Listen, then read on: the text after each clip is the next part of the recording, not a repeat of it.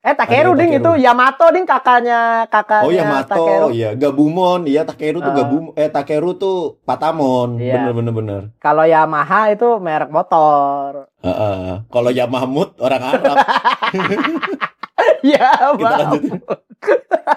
Dehan Dehan siapa sih? Kok gue lupa. Musuhnya musuhnya Doctor Strange. Oh ini Calcelius. Iya bener. Kal L, Kal Kal L, Kal L sekalian. James Bond jadi cameo Stormtrooper, gak kelihatan mukanya lagi. Ngapain jadi cameo James Bond? Iya.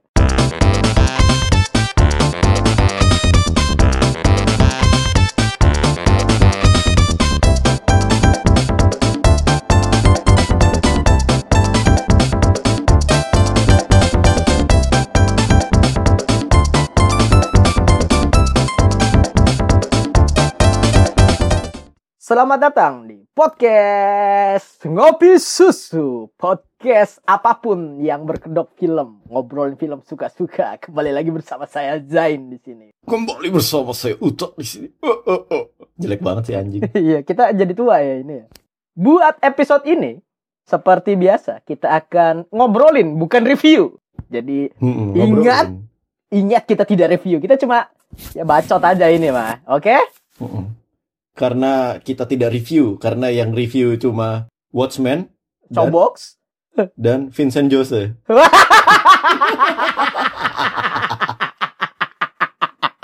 Wah, eh, eh, eh, waduh, waduh. Kan dia reviewer loh. Eh, Iya. bagus. Kok Anda tertawa? Hei, hei. Ada ini, ini. Anda sering lihat timeline ya, sepertinya ya, timeline kopi Iya susu dong. yang seperti biasa Ini- ada drama-drama akun podcast bersama ini ya, VJ ya, VJ ID. Iya. Ah, enggak, VH kan? Jose, Jose. Oh, Jose. Jose, iya kan orang Espanya, Espanya. Si, si, si amigo, si, si amigo. Ya, ini yang cabang Indonesia ya, soalnya ada ID-nya. Oh iya. Jadi di episode ini kita mau ngobrolin Knives Out. Tapi sebelum masuk ke episode ngobrolin Knives Out, kita mau ada beberapa hal yang mau gue omongin. Kita omongin lah, kami omongin di sini. Gua apa kita apa kami? Gimana sih lu? Eh, An, eh, nahnu, nahnu akan bicarakan. Nahnu natakallamu al-an bilugotil arabiyah. Halan. Alhamdulillah. Gimana Ala emang? ikhwanina ala. Lu mau ngomongin apa ini? Zainuri, Zainuri, Zainuri, Zainuri. Buya, buya, Ibu ya. buya. Enggak, gue pengen ini, pengen ngobrolin dikit soal trailer Digimon. Baru rame nih. Oh iya, Yang katanya bakal tayang, bakal tayang tahun depan 2020. iya. Terus, ini gua dengerin. Ya, lu nggak ada komentar apa-apa gitu soal Digimon nih? Lu nggak suka Digimon apa gimana lu? Haters ya lu ya? Gimana Oh, enggak. sih? Eh, Gua, gua mau hotek dulu nih, bentar dulu nih. Oh, Buat masalah hotek. Digimon ya. Eh, Arif Mutakin. Bukan dong. Kok Arif siapa sih Arif? Siapa, Pak? Arif Mutakin anjing apaan sih lu? gua mau Takin namanya nih. siapa sih? Takit namanya siapa? Mutakin Pratama. Oh, gue bikin nama sendiri. Temen kita Arif Mutakin itu temen kita. Oh iya, bener anak Ali, anak Ali, anak Emma. Taufik SMK, Pak. SMK. Oh, oh iya, Taufik Musadik temennya berarti kan. Romizal, Romizal. Eh, Salmiadi. Salmiadi, Salmiadi. Gak jadi hotek nih. Gua jadi mau Iya jadi dulu. hotek apa hotek? Eh, kalau gua lebih seru nonton Digimon daripada nonton Pokemon. Gue jujur Pokemon gue lupa ceritanya apa. Digimon gue lebih suka. Oh, jadi lu bareng gua nih hoteknya nih. Enggak hotek sih. Emang emang seruan Digimon gak sih sebenarnya? Ya nggak tahu sama fans Amerika sono kan biasanya suka Pokemon. Karena belum nonton Digimon mesti. Oh iya. Oh teman-teman gue di Jerman pada suka Digimon karena katanya pas mereka kecil Digimon tayang di TV Jerman, di dubbing Jerman. Oh. Nggak tahu Iya. mungkin Agumona Smetterling. Farfalla. Mariposa. Te- eh, terus apa? Scienza, Science, Science. Eh, Naturwissenschaften. tolong ini kedubes Jerman menghina bahasanya sendiri nih.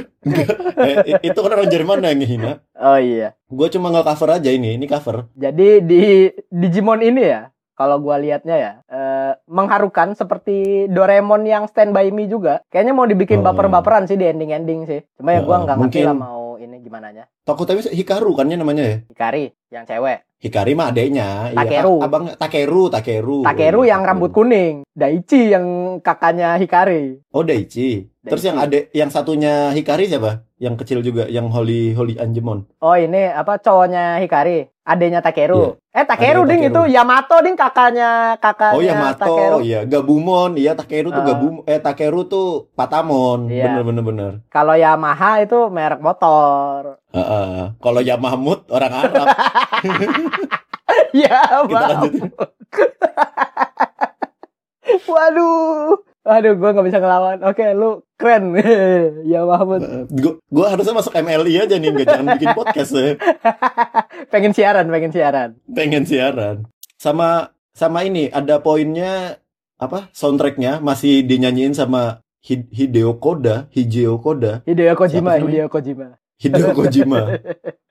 Hajima, Hajima. Lu tau Hideo Kojima nggak sih? Nggak tahu ya lu ya? Gak- oh tahu gue tahu. Ini kan cowoknya cowoknya Hannibal itu kan. Hah, kok itu bangsat apaan sih? Hideo Kojima. Iya, gamer itu kan yang bikin game kan. Iya, kok cowoknya? Metal Gear Solid kan. Iya. Ya mer- mereka berdua kan kayak kayak gay gitu gak sih? Dehan Dehan siapa sih? Kok gue lupa. Musuhnya musuhnya Doctor Strange. Oh ini, Calcelius. Iya bener Kal L, Kal Kal L, Kal L kalian. Sebenernya. Ya Kok pokoknya gue itu. lupa namanya sih? Sampai lupa namanya. Hideo Kojima lah, udahlah anggap Hideo Kojima aja nih. Nama bukan namanya Os Digimon Butterfly siapa namanya? Eh anjing, kan di kopi susu ada pak. Kojiwada namanya. Oh, Na na na na na na na na na iya. na na na na na na na na. Dimasukin di sini ya lagunya, tolong Yoi. editor, Siap. editor, Edit. tolong editor. Edit saya, desain saya. Waduh, batuk. iya. Minum di komiks aja. eh ada apa lagi nih beritanya nih? I- i- iklannya banyak banget ya. Podcast kita nggak ada yang mampir. Ada apa lagi nih? Ada, Ada apa lagi nih? Oh ini soal Satria Gatot Kaca. Oh iya iya, gue tahu tuh. Itu tuh. Lu dengerin nggak? Tuh ra- rame dibicarain nih. Katanya mau mulai syuting April 2020. Terus tayangan November 2020. Oh, oh cepet Jadi banget pak. Ap- A- A- April syuting, Mei, Juni, Juli, Agustus, September, Oktober, November. 6 Anjing, bulan. anjing, cepet banget. Wih, ini satu semester jadi film, tayang langsung filmnya. Ini ya eh, kejar tayang ya. Ini kayak kayak skripsi yang udah mahasiswanya mau apa? Mau di DO Dia kayak- itu. Eh, kayak kayak gue juga. Ma- maka- makanya namanya Satria Gatot Kaca kan mungkin mungkin bener-bener apa namanya otot kawat tulang besi beneran tuh pas tayang beneran otot kawat tulang besi nggak ada lain-lainnya tuh. Nggak ada capek-capeknya soalnya. Oh, dan tambahan lagi katanya juga untuk pendana pendanaan dan menghypekan supaya hype dulu nih katanya nih. Satria Gatot Kaca ini pengen dibikin hype dengan cara jualan kaos gue juga nggak ngerti jualan kaos dan rilis gamenya Oh jadi ada gamenya Satria Gatot Kaca gitu. Iya, kat- katanya sih gitu mau rilis gamenya dulu, terus sambil jualan kaos di mall. Gua nggak tahu jualan kaos di mall nih mau nyaingin Retropus apa gimana mereka bikin kaos nih. Ya tapi kan Retropus nggak di mall pak, di Tokped. Heeh, u- mungkin gue pengen saran aja buat eh, apa namanya nih produksi bagian produksinya Satria Gatot Kaca. Kalau mau murah bisa lah bikin kaos tuh di Ankles di Solo tuh ada tuh. uncle uncle. tapi ankle. Enggak, a- a- angkel, angkel, Ankle, ankle, Ankle. ankle. angkle, angkle. Ankle. Itu di anu ya belakang depan SGM tapi yang di belakangnya yang bangunan-bangunan itu. Eh, Ada ada rumahnya. Soeharto kalau nggak salah ya. Bukan rumahnya. Ya, gue nggak tahu apa dia itu Kalitan. Butin itu butinnya kalau nggak salah. Nah, itu. Ya udahlah ya. Kita lanjut. Lu ada berita eh, baru nggak? Ber- Ah. Berita terbaru apa kayak gitu? Berita terbaru ini kalau dari gue ini ada ini ya best per in NBA history itu ada Luka Doncic, James Harden sama Giannis. Oke MVP-nya Oh. mereka. Oh, gue juga ada berita terbaru soalnya. Apa nih apa nih? Lakers kalah. iya. Bucks juga kalah, Pak. Eh, oh iya, Bucks juga kalah ya. Duh, nggak apa-apa lah, dua empat empat. Masih bagus lah. Besok ketemu Juara mereka. Lakers. Besok ketemu mereka. Oh. Tanggal jam kapan sih mainnya? Kenapa kita omongin di sini nanti aja? Iya, Eh, oke. Kita ngomongin film. Itu aja. Jadi untuk episode kali ini kita akan ngobrolin Knives Out. I think you have something you want to tell me. Sinopsisnya dulu, Bapak. Oh iya bentar nih, gua udah disimpan di HP dong. Yo. Harlan Trombi yang diperankan oleh Christopher Plummer, Plummer Pelamber, adalah pelamber. pen- nggak ada nggak plumber dong, tukang kayu dong kalau plumber. Ini adalah penulis penulis novel misteri yang kaya raya. Di ulang tahunnya yang ke-85, ia tewas secara misterius. Keluarga Harlan, nih Harlan bukan strikernya Salzburg. Eh, Tahu gak? Yoi. keluarga Harlan yang datang berkumpul kini menjadi tersangka. Mereka dicurigai oleh detektif terkenal 007. Woi, ya bener soalnya. Benoit Blanc, Benoit Blanc yang datang untuk menyelidiki insiden ini. Untuk memecahkan misteri kematian Harlan, sang detektif mulai berbicara kepada seluruh anggota keluarga dan menemukan siapa dalam pembunuhan sang novelis terkenal itu. Diproduseri oleh Rian Johnson dan Ram Bergman dan disutradarai oleh Rian Johnson. Eh, bagi yang Rian Johnson ya, bukan Iya. bos Anda. Hah? Rian Jaya, bos saya. Rian Jaya, Rian Jaya. eh, kok kok nyambung sih lu? Yo, iya dong. Iya, iya. Jadi eh FYI ya, WD. FYI ini Rian Johnson ini yang merupakan direktur sama penulis apa ya? Sama ya pokoknya yang bikin Star Wars The Last Jedi kemarin. Dan ternyata Star Wars The Rise of Skywalker ya masih rotten juga ya di Rotten Tomatoes dibandingin sama The Last Jedi. Jadi yang buat fans Star Wars yang kemarin benci Ryan Johnson bisa ditumpahkan ke Twitter kita ada di ngopi susu ya, pot ngopi susu. Kenapa kenapa orang marah sama Rian Johnson kita yang dimarahin? Biar engagementnya banyak. Oh. Kita perlu haters sekarang. Head saya, head saya. Follower kita baru 700, bikin 1000 dong haters. Iya. Ini kalau kita perlu kolaborasi sama Aukarin supaya hatersnya banyak, kita kolaborasi sama Aukarin. Demi konten Sama apa pun Jokowi. akan kulakukan. Uh. Oh, demi konten collab vlog sama Pak Jokowi juga kita mau nggak apa-apa Pak Jokowi ayo Itu juga Biar saya kita mau. banyak haters ya Iya. Biar kita banyak haters ya apa Pak Anies Pak Anies Baswedan Oh iya, Pak Anies aja, Pak. Pak Anies aja. Eh, hater hatersnya kan banyak tuh Banyak banget. Jadi ya kita kita perlulah dikit-dikit gitu di head lah tolonglah kita terlalu suci kita di dong. sini ya. kita orang-orang nggak orang-orang terlalu nggak peduli sama konten kita itu masalahnya Iya, anjing nih. Jadi gimana nih ininya? Apa eh oh, masuk pendapat. ke filmnya lagi Yoi, kita masuk dong. Masuk, Pak Eko. kalau dari gue ini adalah film modelnya traditional crime thriller ya Oh iya. dari tone-nya, background musik, gaya kamera, desain itu menurut gue ini sangat-sangat ya kayak film-film zaman dulu, tapi udah dimodernisasi. Detail-detail setnya tuh menurut gue mengagumkan sih. Oh. Maksudnya dari dari trailernya aja udah kelihatan. Cuma secara keseluruhan cerita film, menurut gue ya tujuh lah, nggak bagus-bagus banget gitu, tujuh delapan lah, tujuh setengah lah. Hmm. Gua mau nanya nih. Tapi lu, nih? lu ada nonton ini nggak ya? Maksudnya drama yang kayak detektifan detektifan gitu nggak? Iya, terakhir gue nonton dan mirip banget menurut gue sama The Murder on Ori- uh, in Orient Express. Oh, jadi lu nonton Murder itu ya? Nonton The Murder on Ori- Orient Express. Gue baca novelnya juga malah. Gue malah lebih suka novelnya jauh dibanding filmnya. Oh. Walaupun filmnya cantik, jadi bener-bener ngewakilin isinya gitu loh. Cuma pas baca novelnya tuh gue bener-bener atau mungkin karena gue udah tahu endingnya gitu lewat novelnya. Mhm. Pas gue nonton filmnya itu agak agak kurang. Cuma di film ini kan di film kan ada perubahannya dibanding buku ya. Iya. Kalau ngobrolin soal yang The Murder on Orient Express gitu.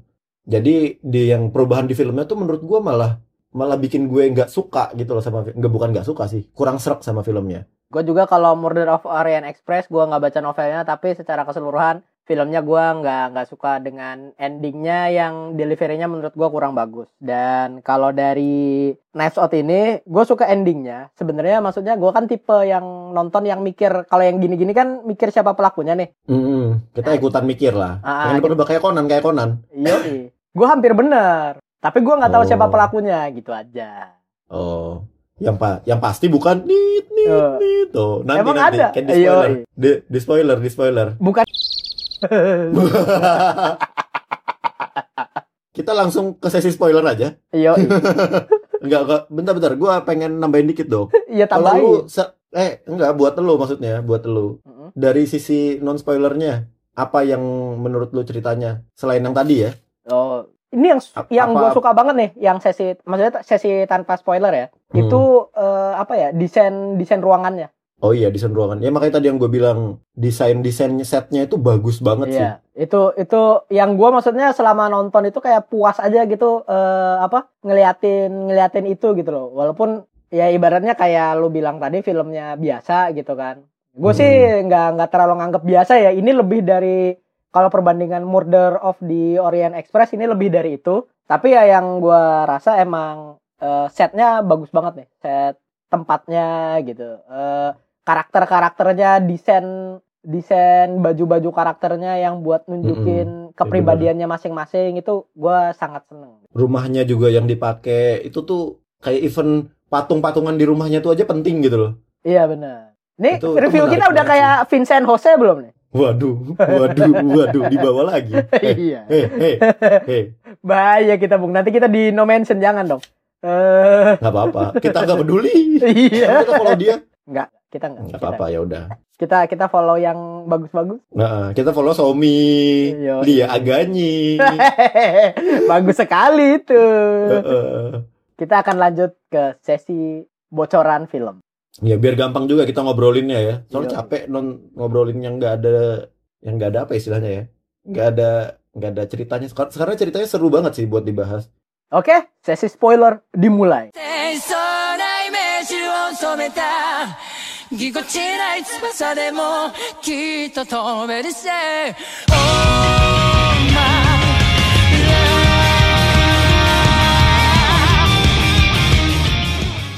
Oke. Dari gue dulu nih. Pertama pertama yang agak mengganggu di kepala gue adalah sorry ya kalau gue body shaming. Magunanya gendats nih Magunanya nih. Maguda. Magunanya nih Iya, iya bener sih Maguna. itu Maguna kan? Maguna Iya. gede tuh. Iya. Gede beneran. Parah lah anjing.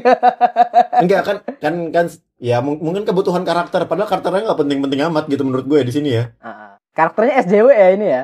Eh, karakternya tuh apa ya? kayak nggak SJW juga sih Maguna. Emang dia SJW di sini? Siapa sih namanya di sini? Gue lupa malah. Gue ingetnya Maguna. Ini eh Mac Mac Mac. Apa? Anda ngomong kotor? Per- pertama sebelum masuk ke cerita gue pengen ini dulu. Case-nya ngeri-ngeri, bro. Iya. Ini gila case-nya. Ada 007, ada Captain America, Mm-mm. ada ceweknya 007, Oh iya. Bond Girl nih, Bond Girl. Ada Maguna tadi ya. Ada Terus siapa ada lagi? siapa lagi? Itu si eh, inspektur, gue taunya polisi siapa? Inspektor Gadget. Cliff.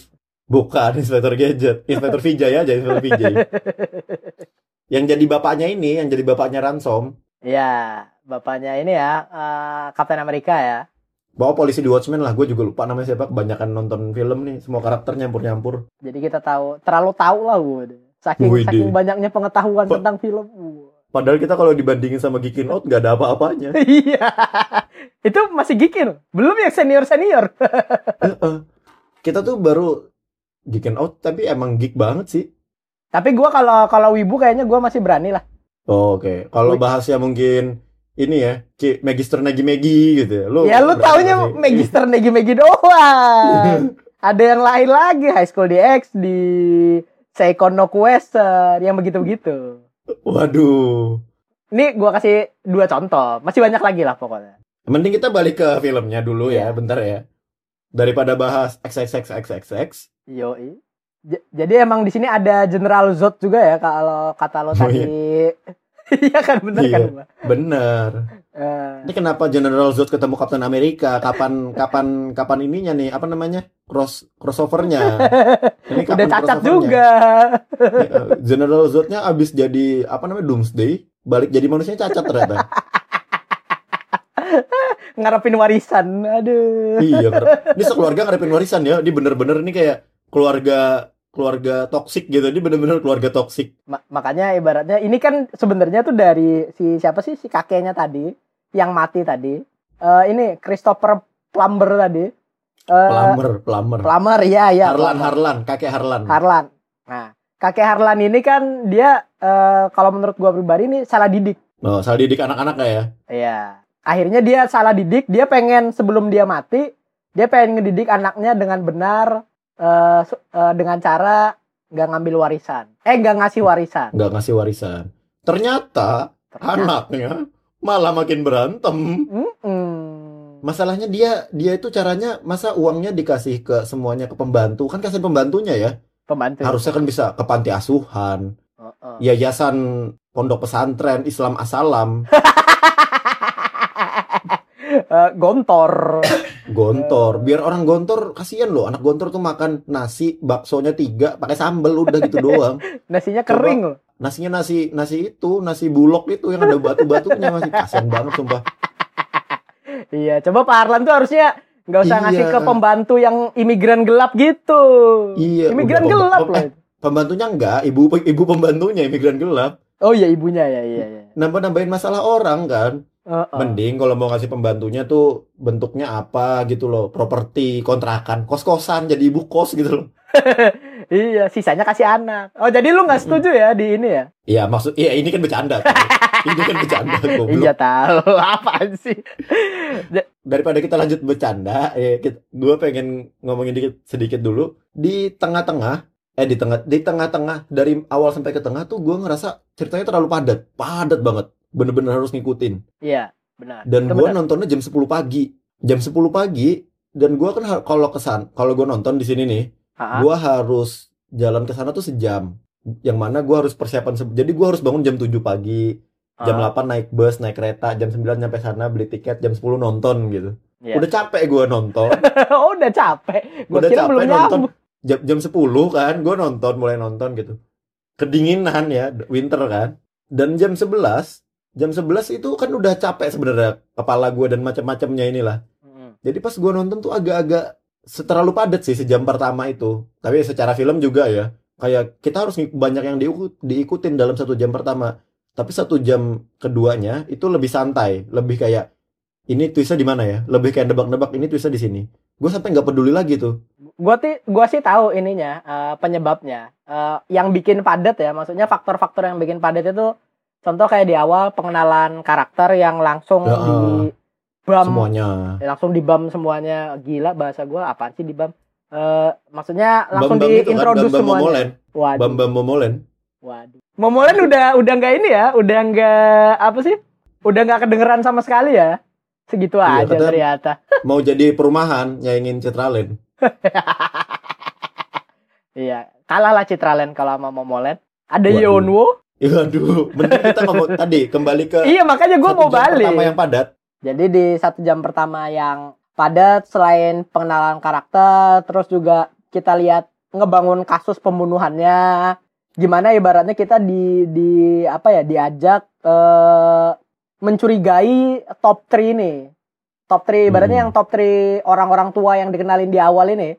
Tapi kita nggak diajak ransom sama sekali dari awal. Maksudnya Iya. ransom udah ini aja yang kita curigai yang punya motif. yang pertama ada influencer, gue lupa namanya, influencer IG itu yang nyekolahin si Maguna tadi. Iya, ibunya dong. Iya makanya ibunya, ibunya Ah. Maguna, terus juga Ya, ada ya, suami yang istri tadi. Oh iya, suami istri. Nah itu maksudnya eh, dari awal tuh kita di, dibawa sama filmnya buat eh, mencurigai mereka gitu loh, karena mereka yang paling punya motif, paling lemah lah ininya alibinya gitu. Iya sih emang bener tuh di awal beneran dibawa beda di nggak nggak di awal doang malah kayak sejam pertama tuh kita kan langsung dikasih semuanya kan. Oh Ah. dia mati gara-gara ini gitu. Tuh cepet tuh kayak langsung tek tek tek. Kayak lah endingnya udah dikasih tahu dia mati gara-gara eh, siapa namanya pembantunya ini Anada Armas ini. Iya. Siapa namanya di sini? Ya ini ibunya Batman Ah. sama Superman. Bener gak gua? Bener tidak? Ibunya Ba- ibunya Batman sama Superman ternyata pembantunya General Zod ya. Wow. Wow. Betul tidak, Bu Marta? Gue mau nulis judulnya tuh ini sih awalnya tadi judul cover tuh aslinya mau eh, mau namain ibunya Batman gitu. Tapi nggak jadilah. Wow. Judul covernya ntar ada donat ya. Heeh. Donut touch my donut. Do not touch. Do not Do touch. not touch my donut. Aduh videonya udah gak ada lagi lagi anjing. Jadi gimana? Ya, jadi kayak di awal tuh gua lah udah dikasih tahu nih yang ngebunuh tuh dia bunuh diri gitu kan. Ah. Terus Ana de Armas nih target utamanya gitu. Tapi dari awal juga kita nggak percaya kan kalau Ana de Armas nih pelakunya gitu loh. Kita dibikin. Jadi Iya. tuh pilihan kita tuh cuma dua. Ana de Armas pelakunya atau orang lain gitu. Oh, gua Nggak bener-bener dilepas gitu. Kalau kayak mur- ini kan pembandingnya buat gue kan Murder on Orient Express. Heeh. Pem- itu kan dari semua kasus dari semua orang Heeh. kita kita pilih salah satu pembunuhnya gitu kan. Heeh. Kalau di sini pembunuhnya tuh udah Ana de Ar- antara Ana de Armas atau orang lain dari keluarganya ini kan. Pasti nggak Iya. mungkin nggak mungkin orang di luar itu gitu loh. Dan cara tata caranya Benoit Leblanc ini eh Leblanc Benoit Blanc ini dia juga ngeluarinnya gimana ya?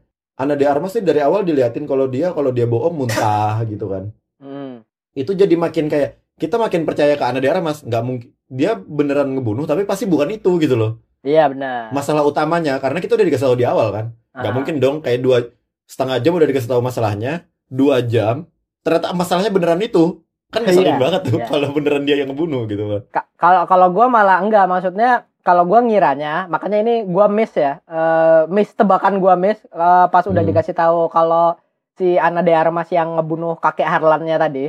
Gua Hmm. malah ngiranya buat nyelamatin siapa? Buat nyelamatin si Marta ini. Ya akhirnya kakek Harlannya tuh emang emang bunuh diri aja gitu loh. Hmm. Gue malah ngiranya beneran bunuh diri yang endingnya si Benoit Blanc ini emang ngakuin kalau bunuh diri. Eh ternyata di sepertiga akhir kan si Ransom dikenalin kan. Ransom ini iya di dibawa gitu loh. eh, dibawa pribadinya yang kita sendiri dibikin gak curiga sama sekali. Niatnya mau nolongin si Ana de Armas, eh, mau ngebantu Ana de Armas buat masalah imigran. Intinya eh, si siapa Ransom ini dapat dapat inilah, dapat pencerahan. Iya kan dapat Hmm. pencerahan buat aslinya ya, aslinya ya. iya Nah, karena dia ternyata habis jadi habis pensiun jadi Captain Amerika iya. ke masa lalu jadi orang jahat dia kan Dia tuh cocok Ben buat jadi yang jahat-jahat gini. Gua nggak tahu seneng aja gitu. Yang Iya. tengil-tengil gini kayak Fantastic Four cocok, gitu loh. cocok. Mu- Mukanya tengil soalnya, mukanya tengil banget sih. Makanya pas di Captain America tuh kayak awalnya tuh pas Captain America pertama tuh gua kayak perlu adaptasi sebentar gitu loh. Wah, Oh, Captain America pertama yang badannya kecil. Ya bukan dong yang ya, ya seluruh film pertamanya. Oh. Ya Allah, capek saya. Ya kan Dan yang badannya kecil dia juga kan, cuma pakai CGI. Iya. Dan kembali lagi ke filmnya, se Oh ini ya. iya. yang gue lihat juga kayak ibaratnya tadi si si ransom tadi ternyata sekejam itu maksudnya kan kita Hmm. akhirnya gua gua pribadi kan gua nggak gimana ya mungkin bisa nebak kalau kalau ransom dikenalin di awal-awal Hmm. Gua nggak bisa nebak Iya. karena ransom dikenalin di akhir-akhir Kalau gue ada sedikit ke ransom itu waktu si si Martanya ini turun dari atas, Ah.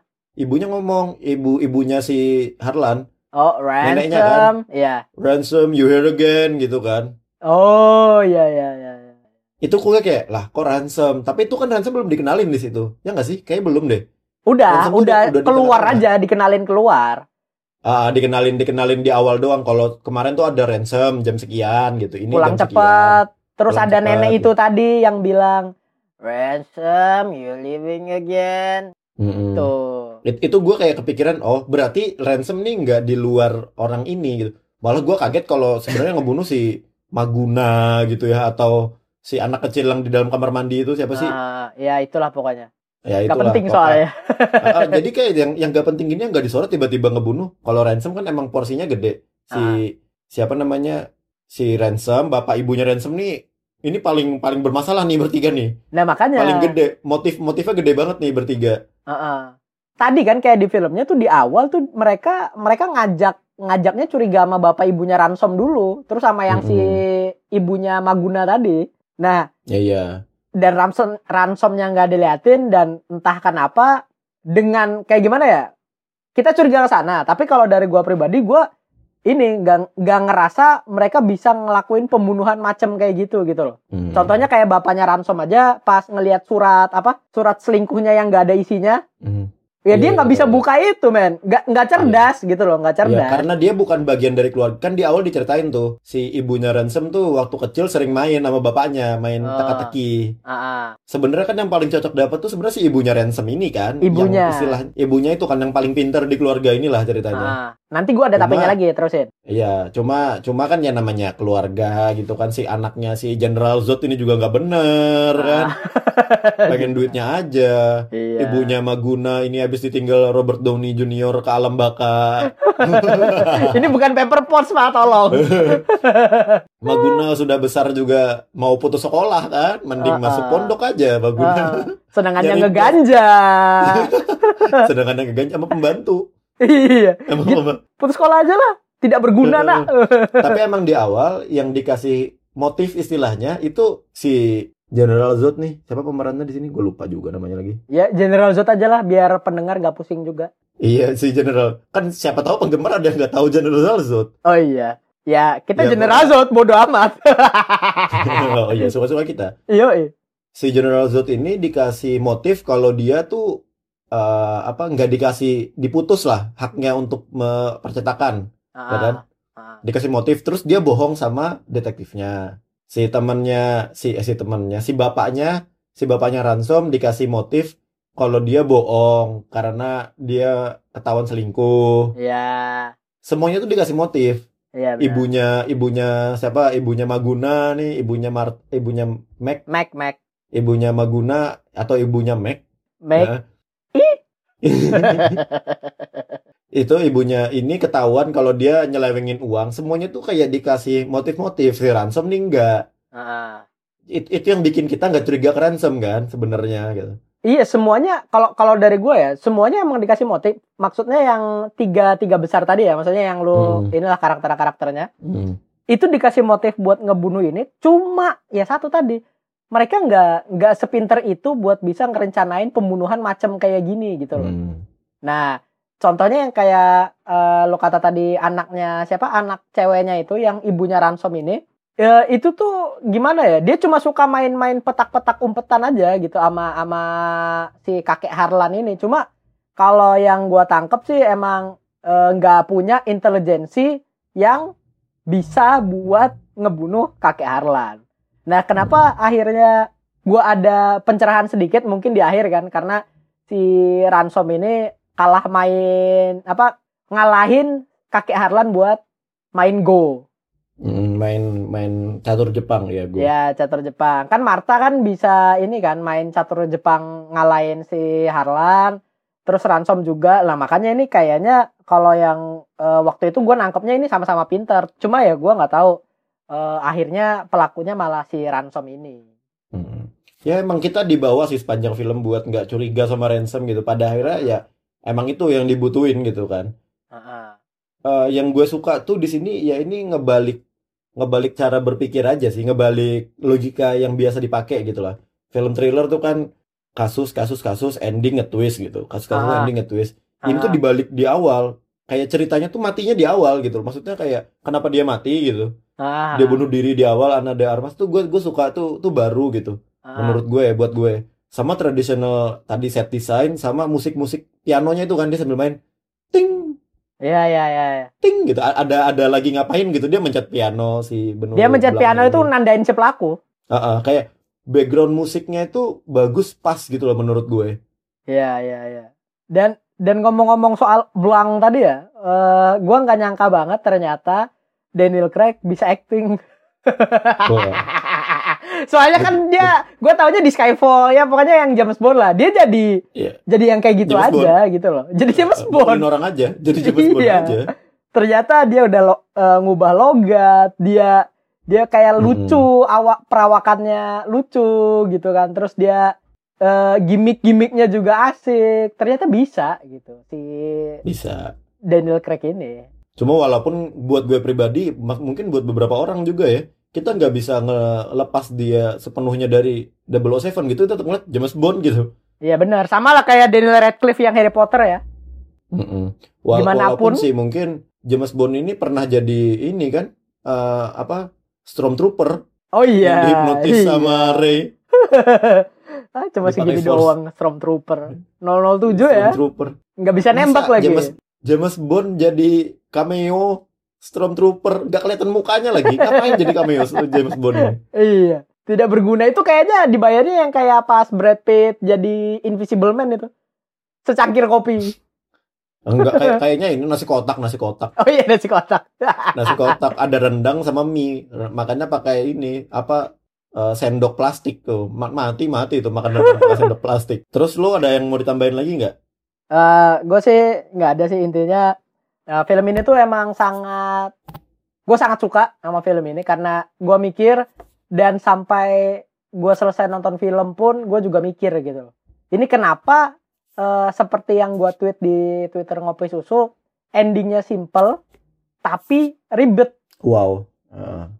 Nah, jadi maksudnya simple ini kan kita udah dikasih tahu ya tadi yang kata lo bilang kita udah dikasih Dari tahu awal. kalau pembunuhnya Marta tapi gimana ceritanya Marta yang ngebunuh gitu loh. Marta Iya, yang dibikin ngebunuh gitu loh. nebak sisanya ini kayak ya beneran kayak donat. Kita Iya. tuh sampingnya udah tahu, tengahnya bolong nih, tengahnya nih apa gitu loh. Iya. Kenapa bolong? Karena donat. Wow. Iya, Donat iya, iya, maksudnya donat. dari kasusnya. Eh, donat Waduh, donat. So- Masa Soalnya dari awal tuh kan diliatin kayak adegan-adegan Marta nginjek tapak kakinya sendiri. Ah, Marta ngilangin apa video rekaman. ah, Itu tuh kayak kita tuh mau dibikin curiga banget sama Marta. Nggak mau dibikin sih, emang dibawa emang secara film mau dia bawain ke sana gitu arahnya ya. Kalau Marta nih merasa bersalah, tapi kita tahu itu bukan Marta gitu loh. Ini iya. kan nggak mungkin endingnya dikasih tahu di awal kan. Terus dua jam setengah terakhir ternyata beneran Marta yang ngebunuh. Iya. Iya, ngapain gitu ya? Ya ngapain? Iya benar. Makanya itu gue Iya, langsung ngiranya tuh si kakek Harlan ini. Ya dia udah fed up aja sama keluarganya, udah matilah. Eh, terus nuker Mm-mm. ini. Karena kan yang cukup pinter buat ngelakuin itu semua ya kakek Harlan. Eh ternyata Iya.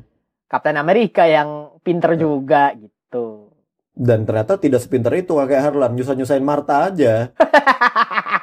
iya kan? Iya. Marta rumahnya didatengin ini apa namanya? eh, televisi-televisi, Iya. asumsi, Asumsi.com. asumsi.com itu ada di situ ada di luar tuh ada Febri sama Armang Randi ya. Unqualified. sama Gustika.